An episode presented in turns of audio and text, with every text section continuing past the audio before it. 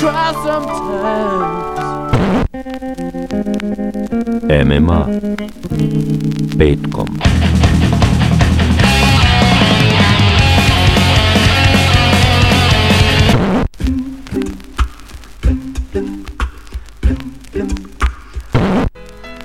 Music of the future.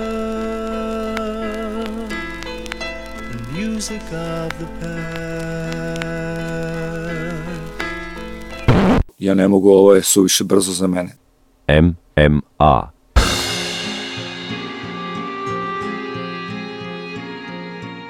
Trinaesta emisija će biti ponovo posebna i ako mislite da mi je teško da smišljam i da se trudim da smišljam ove emisije, varate se. Nekako mi to prirodno dolazi, pa sam ovako došao na ideju da se bavim bendovima koji su imali mnogo pevača. Neki pevači su odlazili iz ličnih razloga, neki zato što se nisu uklopili, neki zato što im je bilo dosta, neki zato što su apsolutisti u bendu tražili neke druge vokale i e, tako je bilo mnogo bendova kroz koje je prošlo mnogo pevača. Naravno, ne možemo se baviti svim tim bendovima, već samo nekim. Meni vrlo drag bend, ali samo sa jednim pevačem. Dakle, mogu da slušam i ostale pevače, ali to mi nije taj bend. Radi se, verovatno pretpostavljate o bendu Black Sabbath, koji je po meni obeležio Ozzy Osbourne. Dakle, Ozzy Osbourne možda i najgori pevač od, tehnički najgori pevač od svih koji su kroz band prošli, ali meni najviše lego, možda zato što sam ga prvog čuo. Mm, Potpuno iščašen vokal, potpuno neponovljiv vokal e, i ovi što su dolazili posle nisu ni pokušavali da imitiraju Ozija, već su pevali nešto svoje, pa je samim tim i Black Sabbath potpuno promenio strukturu muzičku i, i pa, ostao je u istom pravcu, ali potpuno je to drugačije. Dakle, slušat ćemo uh, Black Sabbath i prva tema je naravno sa Ozijem i zove se Sabat, Bloody Sabat.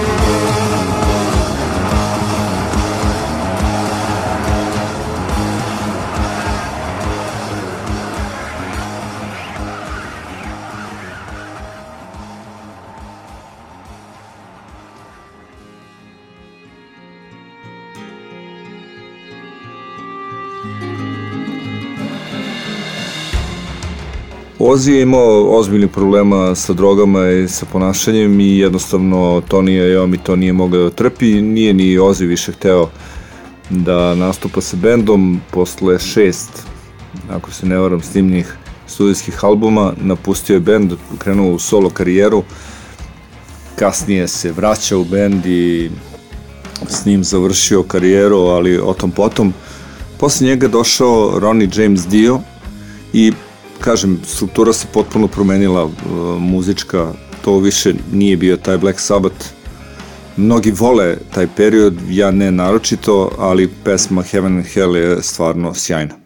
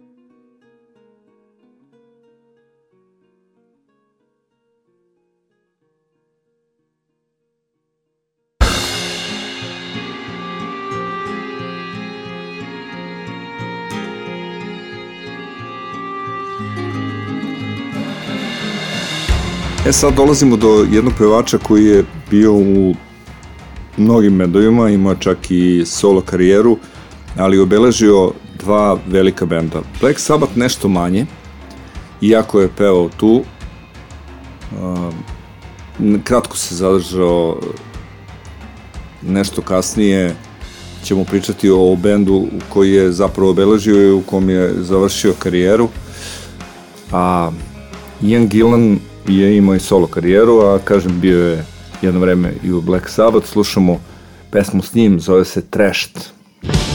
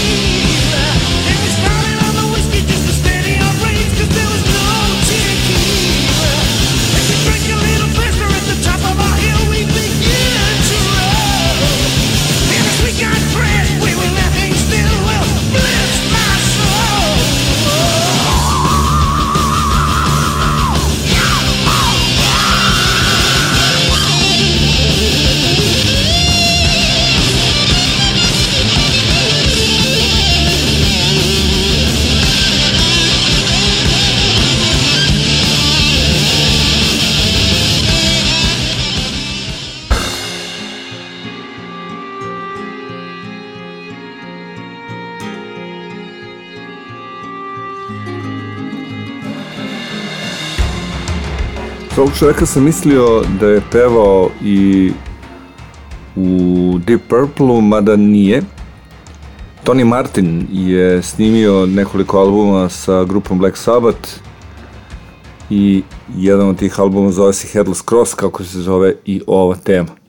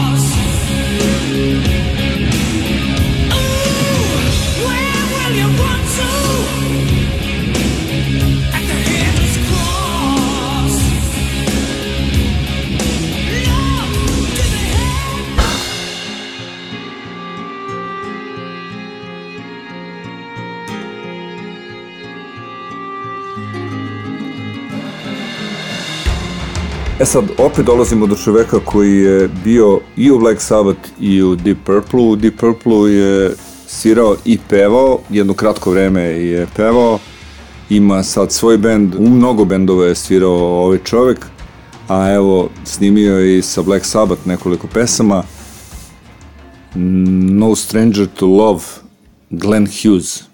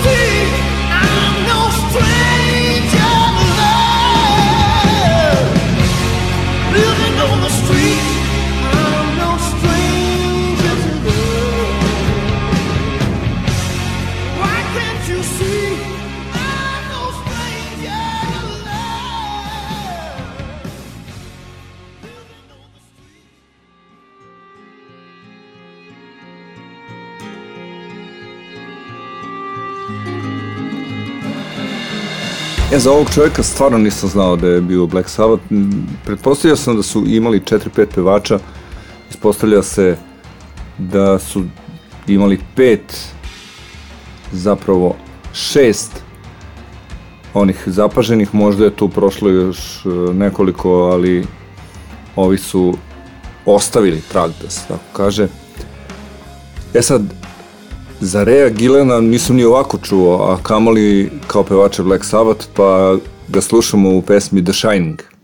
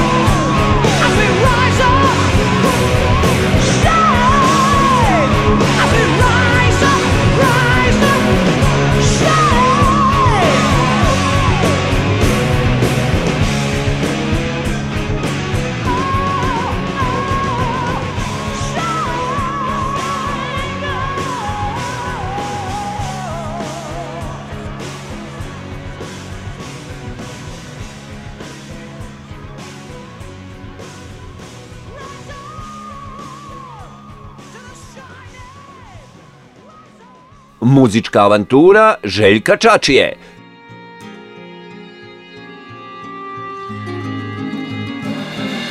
Pominjao sam band Deep Purple, došli smo i do njih. E, tu je bilo svega i svačega. Prva dva albuma snimio je, evo sad da je pitanje bilo za milion dolara, ne bih imao pojma, Rod Evans nisam ni znao za te albume, mada znam neke pesme sa, sa tih albuma, nikada pasionirano nisam slušao Deep Purple, samo onako usputno i kada se pripremam za emisije. Dakle, slušamo ga u obradi pesme Hush, Deep Purple, Rod Evans.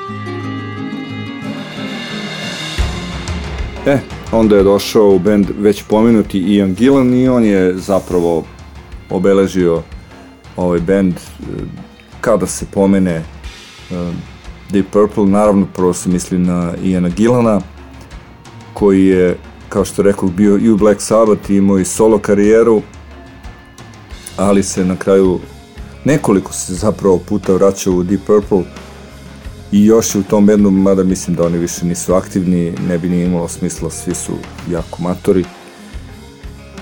Nećemo ga naravno slušati u pesmi kojom je obeležio svoju karijeru i kojom je Deep Purple obeležio svoju karijeru, Smoke on the Water, pošto ja mislim da svima muka od te stvari, slušamo Black Knight, Deep Purple, Ian Gillan.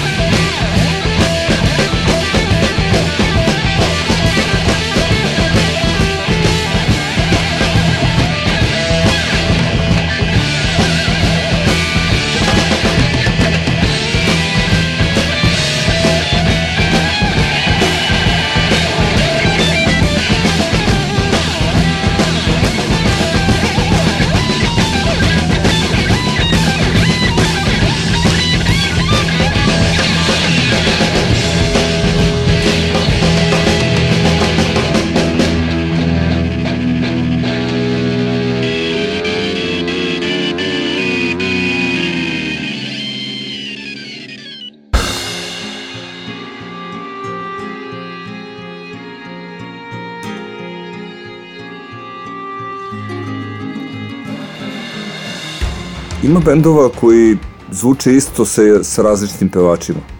Recimo, sad kad vam skrećem pažnju ko su ti ljudi, vi vidite da postoje male razlike, ali neki put ih i ne primetite. Bar je tako u mom slučaju. Dakle, nisam bio siguran ko peva pesmu Burn. Na kraju se ispostavilo da to peva David Coverdale, koji je kasnije naravno imao svoj band White Snake, u kom je svirao sa Johnom Lordom koji je osnovao Deep Purple. Dakle, vidite koliko prepletanja. Sad kad bih išao u to, pa zavrtilo bi vam se u glavi, kao što se i meni vrtilo u glavi dok sam ovo pripremao i čitao. Dakle, slušamo pesmu Burn koju je otpevao Coverdale, a odsvirali naravno Deep Purple.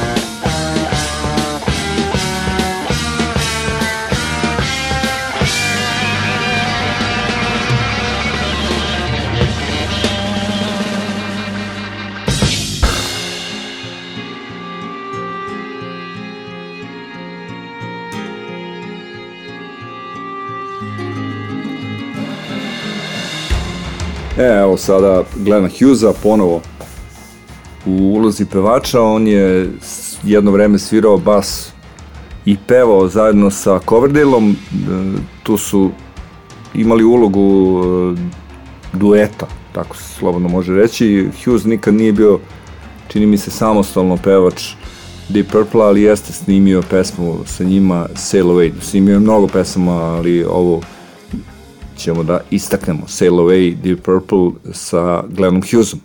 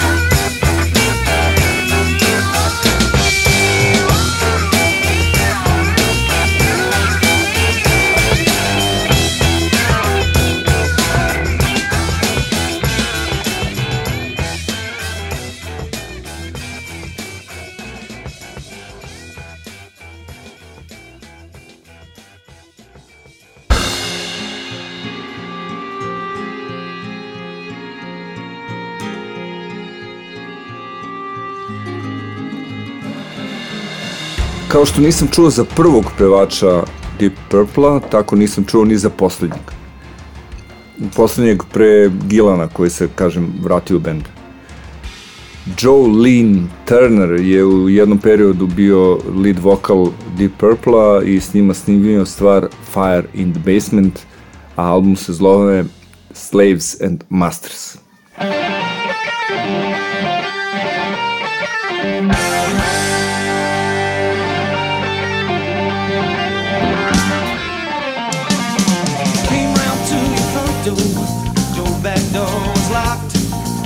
your book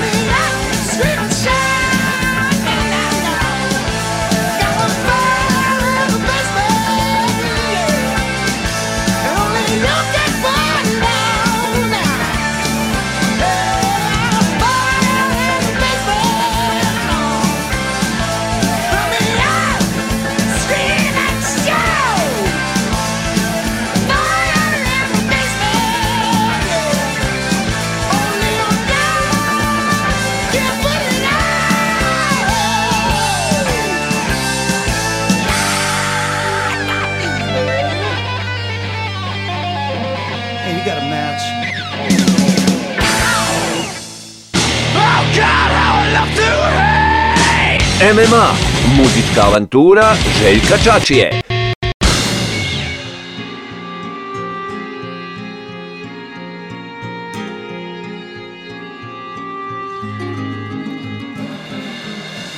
Sljedeći band nije menjao mnogo pevača, zato što je jedan od njih bio dovoljno dugo da ostavi dubog trag i da se na kraju vrati u band, ali pre njega prvi pevač grupe Iron Maiden bio je Paul Diano. I sa Paulom Dianom oni su zvučali potpuno drugačije nego u nastavku karijere.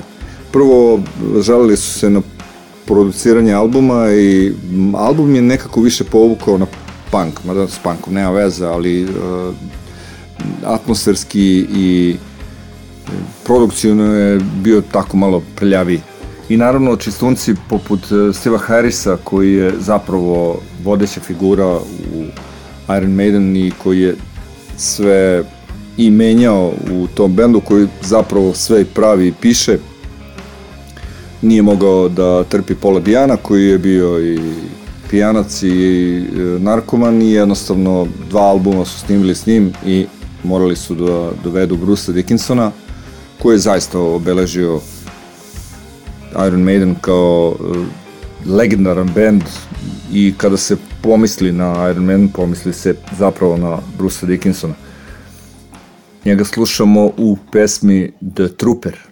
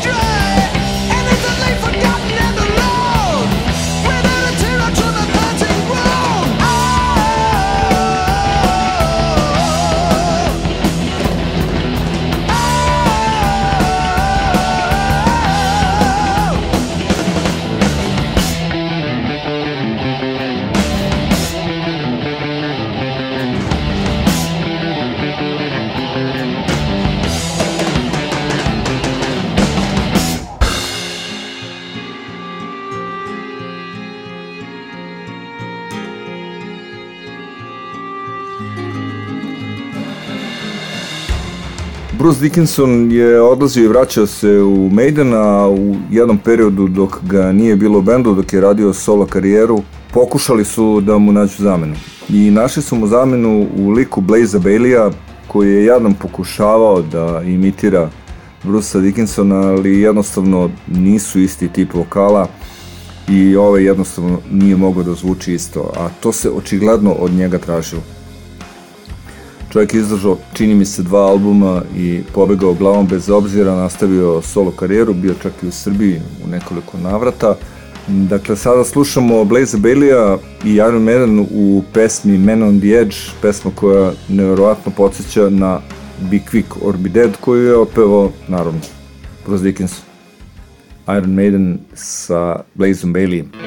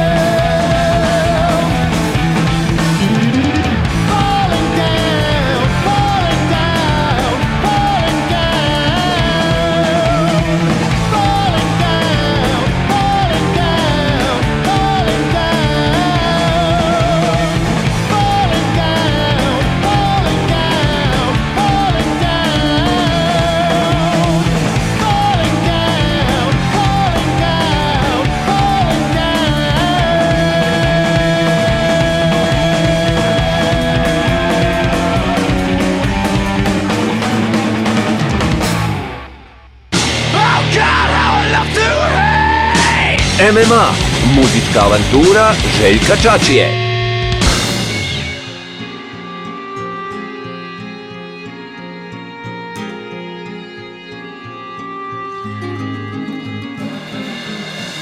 Moj omiljeni bend je Halloween. Uh, Halloween je imao tri pevača, ja sam ga zavolao naravno od samog početka i to kada je pevao Kai Hansen. Kai Hansen nije jednostavno mogao da svira gitaru i da peva, iako je želeo to, jednostavno nije išlo. Hteo je da se u potpunosti posveti gitari i morali su da nađu novog pevača. Našli su ga u jednom 18-godišnjem dečaku, ali pre nego što njega čujemo, dakle u pitanju je Mihajl Kiske, pre nego što čujemo Kiske, čućemo Kaja Hansena, prvi album benda Halloween, Kai Hansen je snimio uh, prvi single, maxi single od pet pesama koje se isto, isto ima nazvao i Volsu Jericho. I zaista je bio vrlo specifičan i fantastičan pevač, ali eto, već smo rekli, nije mogao da izdrži jedno i drugo, a mi ga slušamo u pesmi How Many Tears. A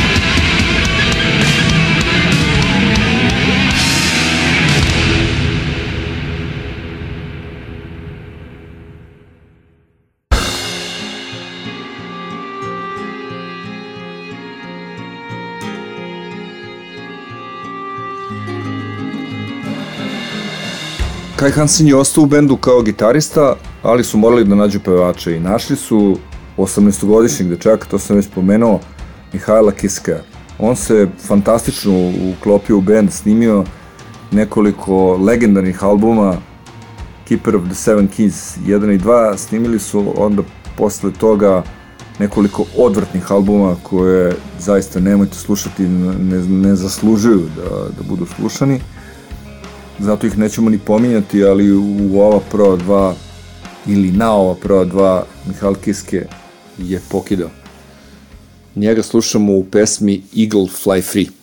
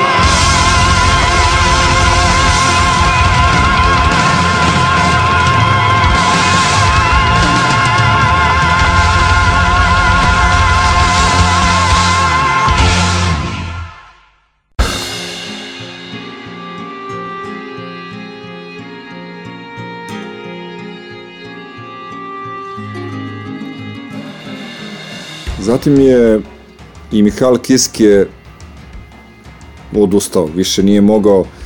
E, Preterano su svirali, preterano su e, išli na turneje i on više nije mogao da, da izdrži.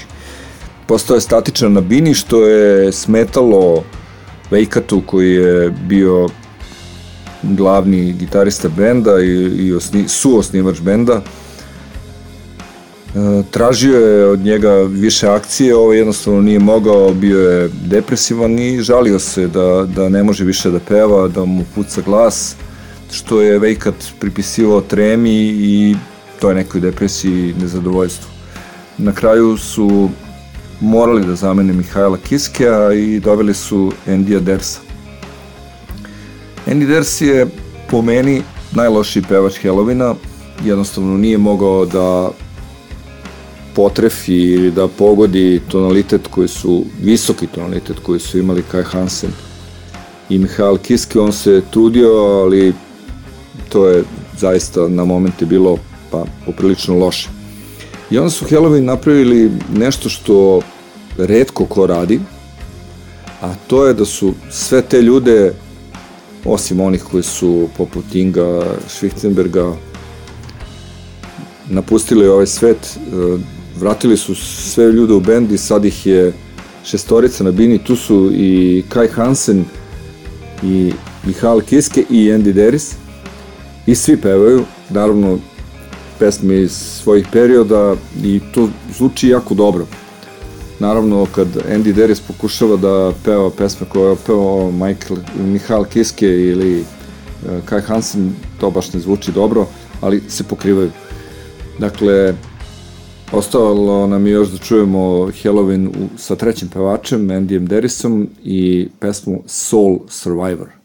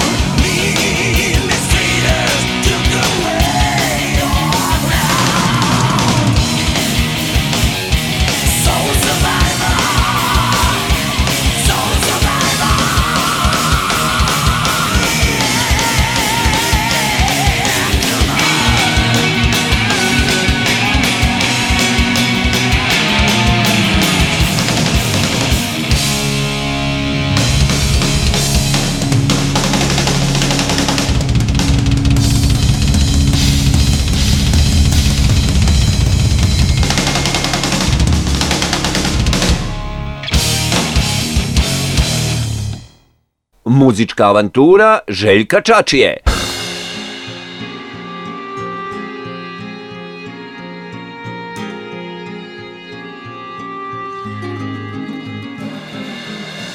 Postoje naravno ovakvi primjeri koje sam pomenuo i u našoj muzici. Kada je u pitanju band Bijelo dugme, tu se zna da je Goran Bregović alfa i omega i da je on birao muzičare. Željko Bebek je naravno prvi pevač ovog benda i najbolji.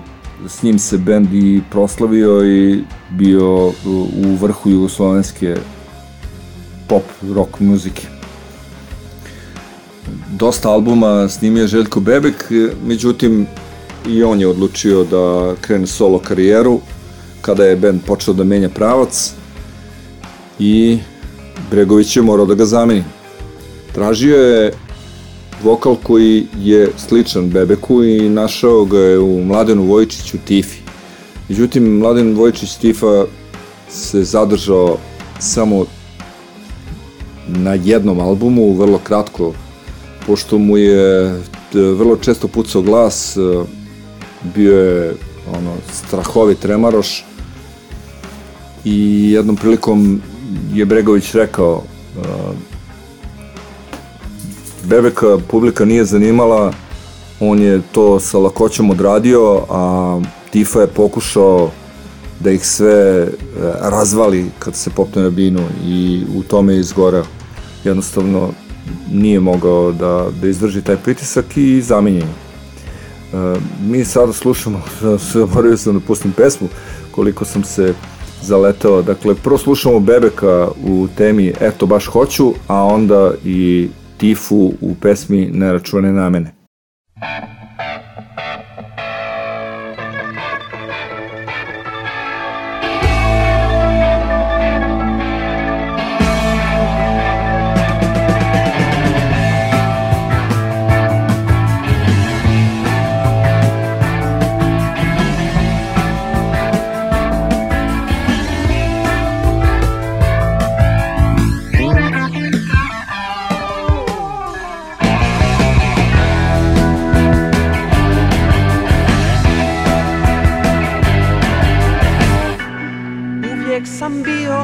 pametno dijete.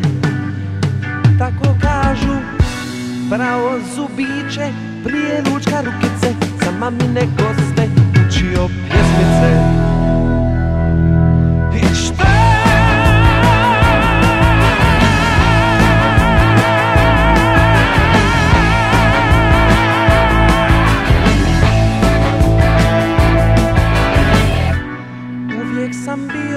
Pametan momak još sam uvijek pametno početi fakultet odabrati Pametno se ženiti, pametno stariti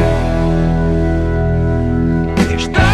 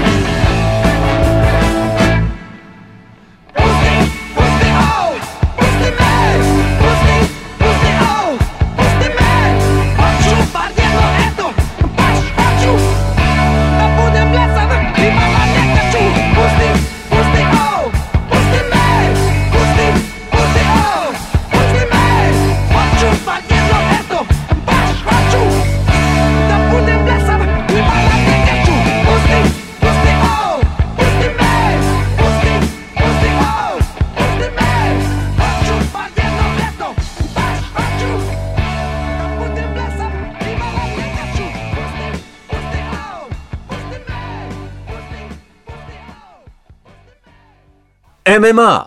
Muzička avantura Željka Čačije.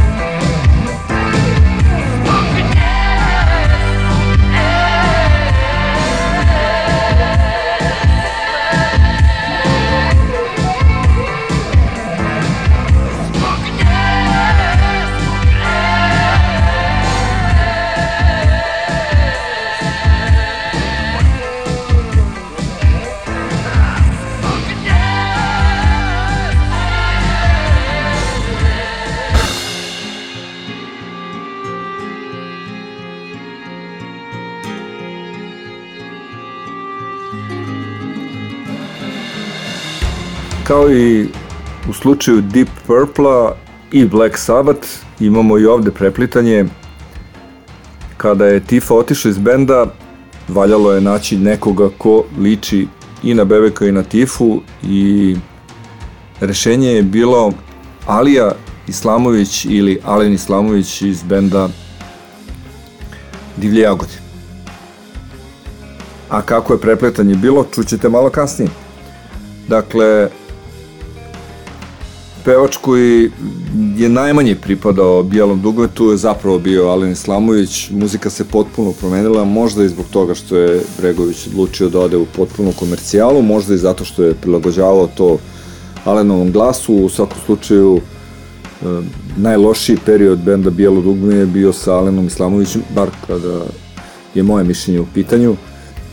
Zato idemo brzo da pustimo ovu pesmu i da završimo sa Bijelim dugmetom.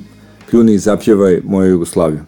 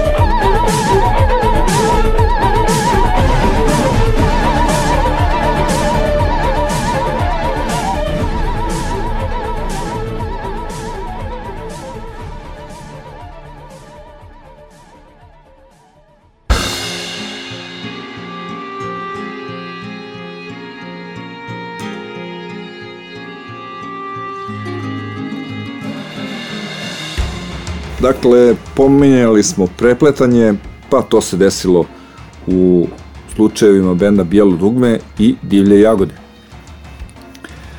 Divlje jagode su počele svoju karijeru sa pevačem koji se zvao Antonio Toni Janković i on je snimio dva albuma, to su uglavnom balade i kada je Seja Zela Lipovač odlučio da promeni pravac, iz benda je otišao Antonio Janković. On je snimio sa njima dva albuma i pregršt e, balada. Naravno, nećemo slušati Krivo je more, već ćemo slušati još jednu ligu, ali čini mi se manje pušteno, Patkica, Divlje jagode.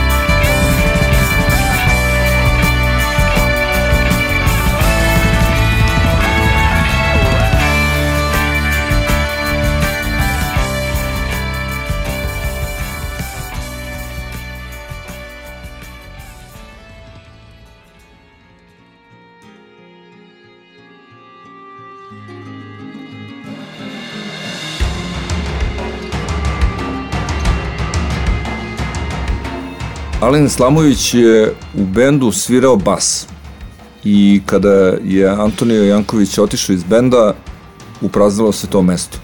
On ga je prirodno popunio i bio dosta dobar. Dobro, malo je onako, da se niko ne uredi, seljački zvučao na, na momente, ali to je tako s njim, ta, tako je pevao, narodnjački. Snimio je nekoliko albuma sa divljim jagodama, onako za, za taj period vremena bili dosta dobri, dosta napredni kada je srpski, to jest, pardon, jugoslovenski heavy metal u pitanju. E, mi slušamo pesmu Čarobnjaci.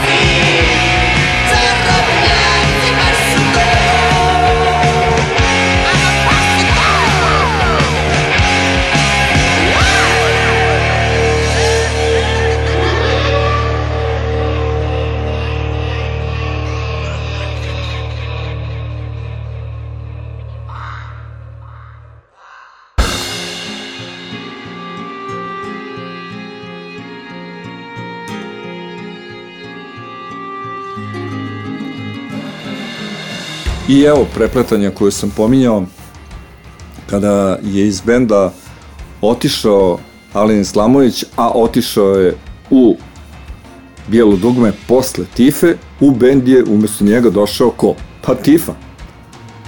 E, Tifa se ni ovde nije mnogo zadržao, snimio je nekoliko pesama, čini mi se jedan album, nemojte me držati za reč, i otišao, ali uh, ovaj album uh, Konji zaista nije loš, na njemu je i obrada Tursku marša koju smo slušali, a slušamo naslovnu numeru Konji divlje jagode sa Tifom.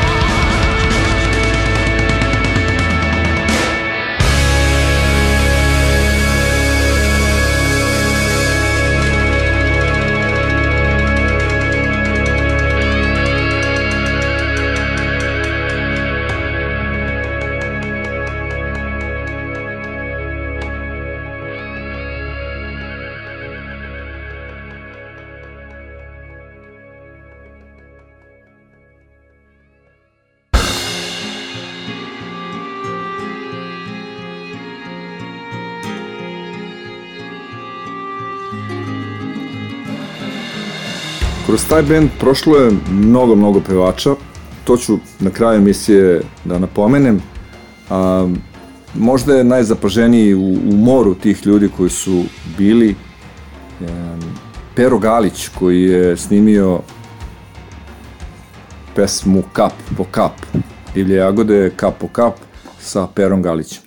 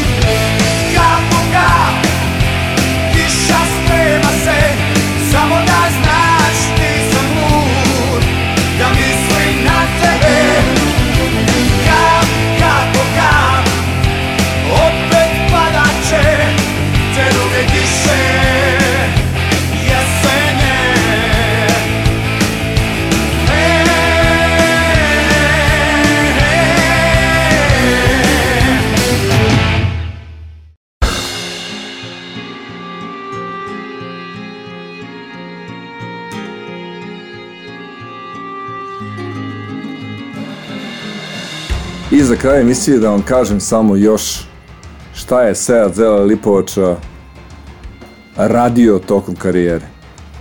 Čuli smo četiri različite pevača, a bilo ih, dakle prvo, Anto Janković, Alin Slamović, pa onda Zlatan Čehić, Mladen, evo, on je recimo bio pre Tife, to nisam znao, ali to nije ni važno.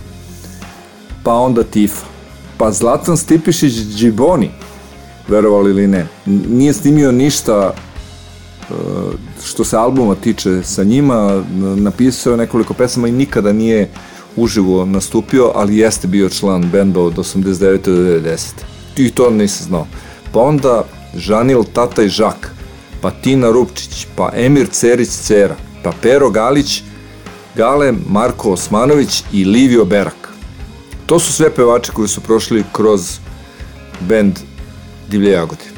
Pa onda basisti Saša Čabrić, Dejan Orešković, Nihad Jusuf Hođić, Alen Islamović, Sanin Karić, Zlatan Čehić, Andraš Išpan, Damjan Milenković. Pa idemo dalje, nije kraj. Klavijature Mustafa Ismailovski, Vlado Podani, Toni Lasan, Mladen Krajnik, Samir Šestan i Damjan Deurić. I ostali su nam bubnjevi. A i tu je bilo mnogo promjena. Adrian Borić, Nasko Budimlić, Tomas Balaš, Adonis Dukuzović, Velibor Čolović, Edin Šehović, Dragan Jankilić i Emil Krančić. To je, pa koliko, možete i sami da vidite da je neki 30 muzičara, dakle to, to bi bilo jedno 5-6 bendova. Ali, jedna stvar se nikada nije menjala u Divljim jagodama, a to je gitarista. Jedan jedini, neponovljivi, apsolutista i despot Sead Lipovača Zele.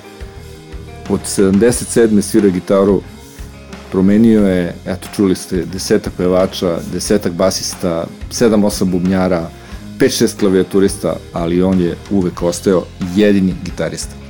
A diktatura i despotija nije dobra. To i sami znate i možete osetiti na svojoj koži. Ovo je bila emisija Ko to tamo peva, koju zajednički realizujem sa Duletom Baukom u njegovom studiju Baukova soba. Emisija je bila MMA, 13. po redu, a mi se čujemo narednog petka.